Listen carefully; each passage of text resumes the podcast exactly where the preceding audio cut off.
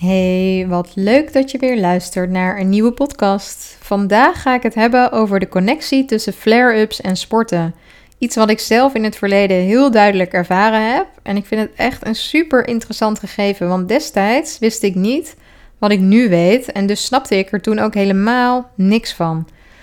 Laten we even teruggaan naar 2014. Al snel nadat ik mijn eerste fitnessabonnement afsloot, kreeg ik mijn eerste colitis ulcerosa flare-up en veel meer last van acne.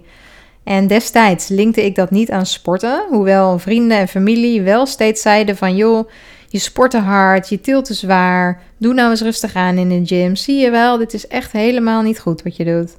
En ik dacht gewoon, nou dat kan niet waar zijn, hè, dat ik ziek word of dat ik nou ja, van binnen dus ga bloeden.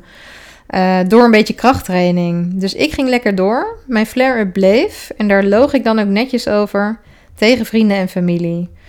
Nou, omdat ik uiteindelijk uh, een paar jaar later besloot om mijn studie af te maken naast de fulltime baan, had ik simpelweg een jaar of twee geen tijd om consistent naar de sportschool te gaan. Toen ik klaar was met mijn studie en na een tijdje weer een abonnement afsloot in de sportschool, had ik binnen zes weken opnieuw een colitis ulcerosa flare en veel meer acne. Nou, toen ging ik zelf ook wel langzaam de link leggen met de gym. Want dit was wel een beetje te toevallig. En hoewel ik het nog niet snapte, heb ik daar lang over nagedacht destijds. En op een gegeven moment dacht ik, ja, nu heb ik het probleem te pakken. En dat ging dan niet om de training of om de zwaarte daarvan, maar in veel gyms bieden ze als onderdeel van je abonnement vaak een drankje aan, genaamd Yanga. Ze promoten het als een gezond nul-calorieën drankje, maar het zit vol met kunstmatige smaak en zoetstoffen die super schadelijk zijn voor je lichaam. Nou, toen ik daarin ging duiken, schrok ik me helemaal kapot. Het gaat om de stoffen sucralose en acesulfaam K. Deze zitten trouwens in bijna alle limonades in de supermarkt. Je moet echt goed zoeken, wil je er een vinden waar beide niet in zitten. Maar bijvoorbeeld ook in alle frisdranken, zoals cola. Ik zou zeggen, do your own research. Uh, toen ik dat ging doen, kwam ik er in elk geval achter dat het je darm, darmflora volledig verwoest. En dat nadat deze stoffen wereldwijd goedgekeurd zijn om aan voedingsmiddelen toe te voegen, de inflammatoire darmziekte, oftewel de ziekte van Crohn en colitis ulcerosa, in elk continent wereldwijd met ongeveer 10 tot 12 procent steeg. Dus drink dit in alle gevallen niet, ook niet als je gezond denkt te zijn. Goed, terug naar de gym. Kamp jij met flare-ups of ben jij chronisch ziek en veel vermoeid? Weet dan dat mensen met chronische gezondheidsproblemen bijna allemaal bijnieren hebben die niet optimaal functioneren. Daarnaast produceren je bijnieren adrenaline. En adrenaline heb je nodig als je bijvoorbeeld wordt aangevallen en moet vluchten, zodat je hyperalert bent. Het verhoogt je bloeddruk, je hartslag verhoogt, je pupillen verwijden en er gaat meer bloed naar je spieren. Dus als je gaat sporten, gaan je bijnieren automatisch adrenaline aanmaken, waardoor je hart sneller knopt, je bloed sneller stroomt en er meer zuurstof bij je spieren kan komen. Maar adrenaline is super toxisch en een van de grootste voedingsbronnen van virussen en bacteriën in jouw lijf. En die gaan daar heel lekker op. Um, Medical Medium gaf ooit een mooi voorbeeld. En die zei, nou, bijvoorbeeld het herpesvirus. Om mij dan maar weer even als voorbeeld te nemen. Ik heb het herpesvirus in mijn lijf, want ik heb mijn leven lang al koortslippen. Ik heb gordelroos op mijn rug gehad. En colitis ulcerosa is ook herpes. Het herpesvirus zuigt adrenaline letterlijk op als een spons. Dus het is natuurlijk niet zo heel gek dat je dan daarna een colitis flare-up krijgt. Nou, wil jij gaan sporten of sporten terugbrengen in je leven nadat je chronisch ziek bent geweest, of misschien nog steeds een beetje bent? Um, dan kan je dat doen, maar de manier waarop is natuurlijk belangrijk. Want je wil het met je lichaam doen hè, en met je lichaam werken en niet tegen je lichaam. Dus hier van mij een aantal tips die jou kunnen helpen om niet in een flare-up terecht te komen. Of in ieder geval het risico uh, verlagen dat jij in een flare-up komt. Doe geen intensieve workouts tot je geheeld bent. Dus als jij op dit moment chronisch ziek bent, ga dan wandelen of doe lichte yoga-oefeningen. Ik spreek af en toe met mensen die dus dat sporten niet los kunnen laten, maar wel chronisch ziek zijn. En als er iemand is die dat snapt, dan ben ik het. Want oh, wat vond ik het vreselijk moeilijk dat ik niet meer aan mijn lichaam kon werken. Maar de mensen die dat niet los kunnen laten, die sturen mij letterlijk foto's op van dat ze doodziek zijn en zonder energie op de grond liggen te creperen. Nog kunnen ze niet stoppen. 2. Ben jij een vrouw en ben je ongesteld of ovuleer je, dan kun je er bewust voor kiezen om niet intensief te sporten tijdens die dagen. Want zoals Medical Medium het mooi uitlegt, jouw immuunsysteem is dan namelijk al verzwakt, omdat het tijdens die dagen zich ontfermt over je voortplantingssysteem. Je houdt dan ongeveer 20% van je immuunsysteem over op die dagen om uh, ja, andere bacteriën of virussen te bestrijden. En dit betekent dat die virussen en bacteriën al veel meer vrij spel hebben tijdens die dagen. Dus je wil dan niet ook nog eens je systeem overloaden met adrenaline. Dit is tevens ook de reden waardoor vrouwen vaak puistjes krijgen als ze overleren of ongesteld zijn.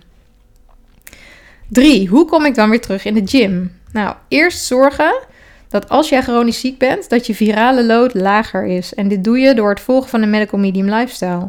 Deze lifestyle is er volledig op gericht om die virale load terug te dringen.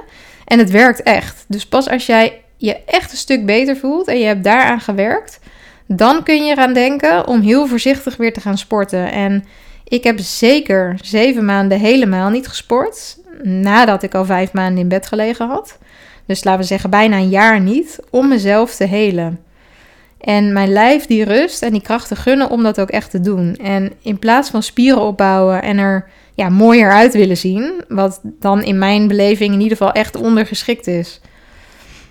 Nou, vier, zorg ervoor dat je genoeg glucose in je systeem hebt. Glucose betekent energie. En je hebt echt wel energie nodig om een workout goed te kunnen voltooien zonder dat je meteen helemaal kapot bent. Dus eet een half uur voor je workout een behoorlijke hoeveelheid fruit, Prop er wat bananen in. Neem een flinke lepel rauwe honing of maplesiroop waar jouw voorkeur naar uitgaat.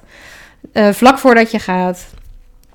Drink tijdens je workout geen schadelijke energiedrankjes. Je kan water drinken, maar drink liever nog kokosnootwater, watermeloenjuice of water met een beetje citroen.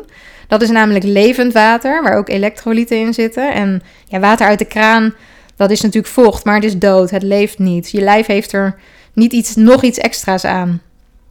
Ehm, ga niet door met sporten tot je helemaal kapot bent. Tegenwoordig probeer ik dat echt heel bewust aan te voelen. En um, ja, vroeger deed ik dat niet. Ik ging echt door totdat ik niet meer kon. En dan, dan strompelde ik, dan liep ik niet eens de gym uit. Dan strompelde ik de gym uit. En dan zat, plofte ik mijn auto in. En dan zat ik echt even bij te komen in de auto voordat ik weg kon rijden voor mij is het nu belangrijker dat ik me goed voel dan dat ik mijn workout afmaak. Dus dat betekent, en dat gebeurt heel soms, dat ik binnen 20 minuten de gym verlaat. En soms voel ik dat, dat gevoel al na een setje squats en een setje optrekken. Nou doe ik alles wel op mijn maximale gewicht, dus dat betekent dat het voor mij sowieso zwaar en intensief is.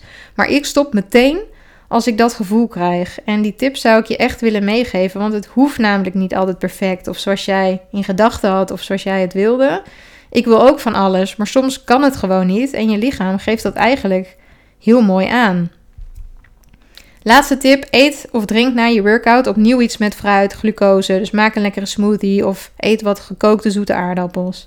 En nu vraag jij je af, maar waar zijn nou die eiwitten? Leuke discussie. Bewaren we voor een andere podcast. In ieder geval kan ik je vertellen dat volgens Medical Medium je spieren opbouwt door glucose en koolhydraten, niet door eiwitten. Zo hebben wij dat niet geleerd, maar we hebben wel meer geleerd wat niet juist was. Dus ik dacht, oké, interessant. Beetje sceptisch natuurlijk, maar let's put it to the test. En ik heb dit, voordat we in lockdown gingen, acht weken kunnen testen, vorig jaar in de zomer. En het resultaat was echt heel erg goed. En nu de gyms weer open zijn gegaan twee weken geleden, heb ik een nieuwe kans om het uitgebreid te testen. Dus hou mijn Instagram in de gaten, want ik ga voor en na foto's plaatsen. Dit betekent dus dat ik op dit moment geen extra proteïne neem. Dus geen poeders, geen repen uh, of dat soort spul. Dus ik, het, e-, de enige proteïne die ik binnenkrijg, die zit in mijn groenten en in mijn fruit. En nee, ik eet ook geen blikken bonen of kikkererwten, want daar gaan mijn darmen niet heel lekker op. Dus ik hou jullie op de hoogte en ga hier zeker nog een podcast uh, over maken in de toekomst. Ik hoop dat je wat aan deze podcast hebt gehad. Bedankt voor het luisteren. En als je vragen hebt, neem dan contact met me op via mijn website of Instagram. Ik kan jou helpen met het implementeren van de Medical Medium Lifestyle. Je kunt me vinden op winkehaanstra.nl. Uh, en zo heet ook mijn Instagram-account. Nou, dan wens ik jou nog een hele mooie dag en tot de volgende keer.